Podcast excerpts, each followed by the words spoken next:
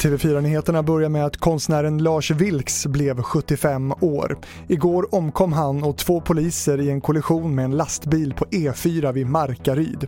Det är ännu oklart vad som orsakade krocken. Vilks levde med personskydd och var en av våra mest omstridda konstnärer. Polisen kommer att hålla en pressträff om händelsen kvart över tio nu på förmiddagen. Ni kan följa den här pressträffen på TV4 Play.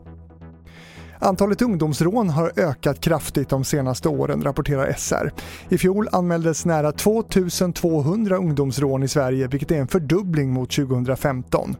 Ungdomsrån har främst varit ett storstadsproblem, men nu har anmälningarna ökat även i mindre städer. Den största ökningen har skett i Linköping, där brottet ökat med 700 procent.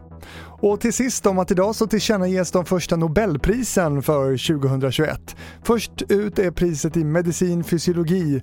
En av favoriterna är Carl M Johnson från USA och Hoang Li från Sydkorea för upptäckten av det farliga hantaviruset som sprids av smågnagare och som ger upphov till dödlig blödarfeber. Senare idag vet vi. Fler nyheter hittar du i vår app TV4 Nyheterna. I studion nu, Fredrik Rahlstrand.